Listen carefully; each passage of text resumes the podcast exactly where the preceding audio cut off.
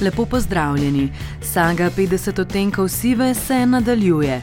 Takrat sta za glasbo med drugim poskrbela Beyoncé s posebno različico komada Crazy in Love ter The Weeknd s komadom Earn It. Za drugi del filma z naslovom 50 odtenkov teme pa sta moči združila Taylor Swift in Zayn ter posnela novi singel z naslovom I Don't Wanna Live Forever. Komad so spisali Swiftova, Sam Dew in Jack Antonov, je pa tudi to prva nova glasba Swiftove po izdanem albumu 1989.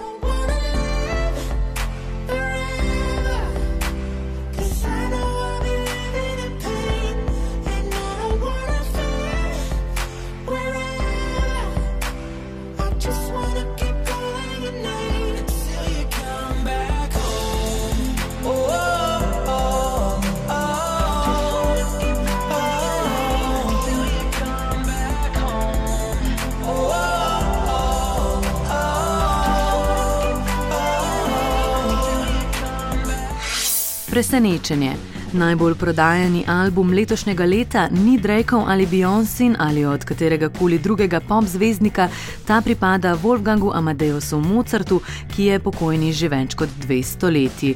Po poročanju Billboarda se je izdaja Mozart 225, The New Complete Edition, ki obsega 225 CD-jev, prodala v 1,25 milijona izvodih. To ne pomeni, da je toliko ljudi v trgovinah kupilo ta mali zaklad, ampak se po ameriških lestvih lestvičnih pravilih število kupcev pomnoži številom diskov izdaje. Mozartova zbrana dela je tako na domače police postavilo kar 5556 ljudi.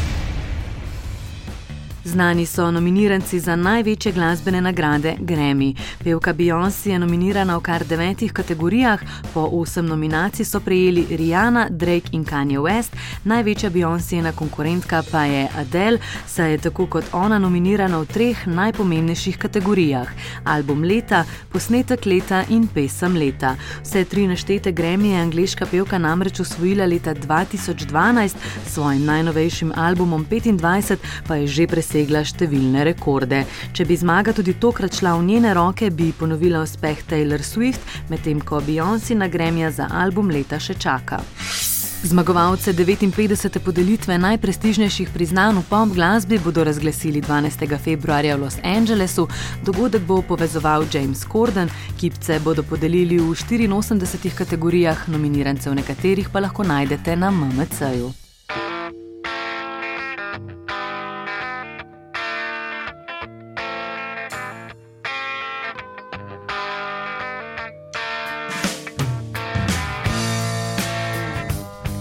Ostajamo v prihodnosti, prihodnje leto bodo Tom Petty and the Heartbreakers 40. obletnico praznovali na koncertnih odrih. V aprilu se odpravljajo na severnoameriško turnejo, na kateri se bodo ustavili na tako znamenitih prizoriščih kot je Red Rocks v Koloradu in Wrigley Field v Chicagu. Na večini nastopov bo gostoval Joey Walsh, na nekaterih izbranih pa Chris Stapleton.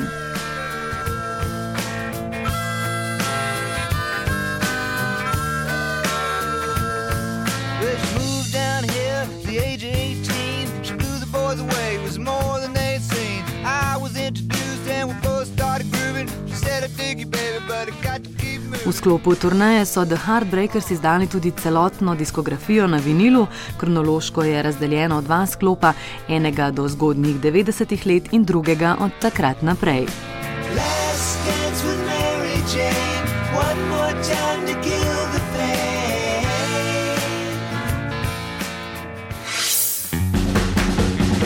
Za konec pa še tole, če morda še ne veste, dinastija Jagger se še vedno širi, Mik je namreč pri 73 letih dobil otroka.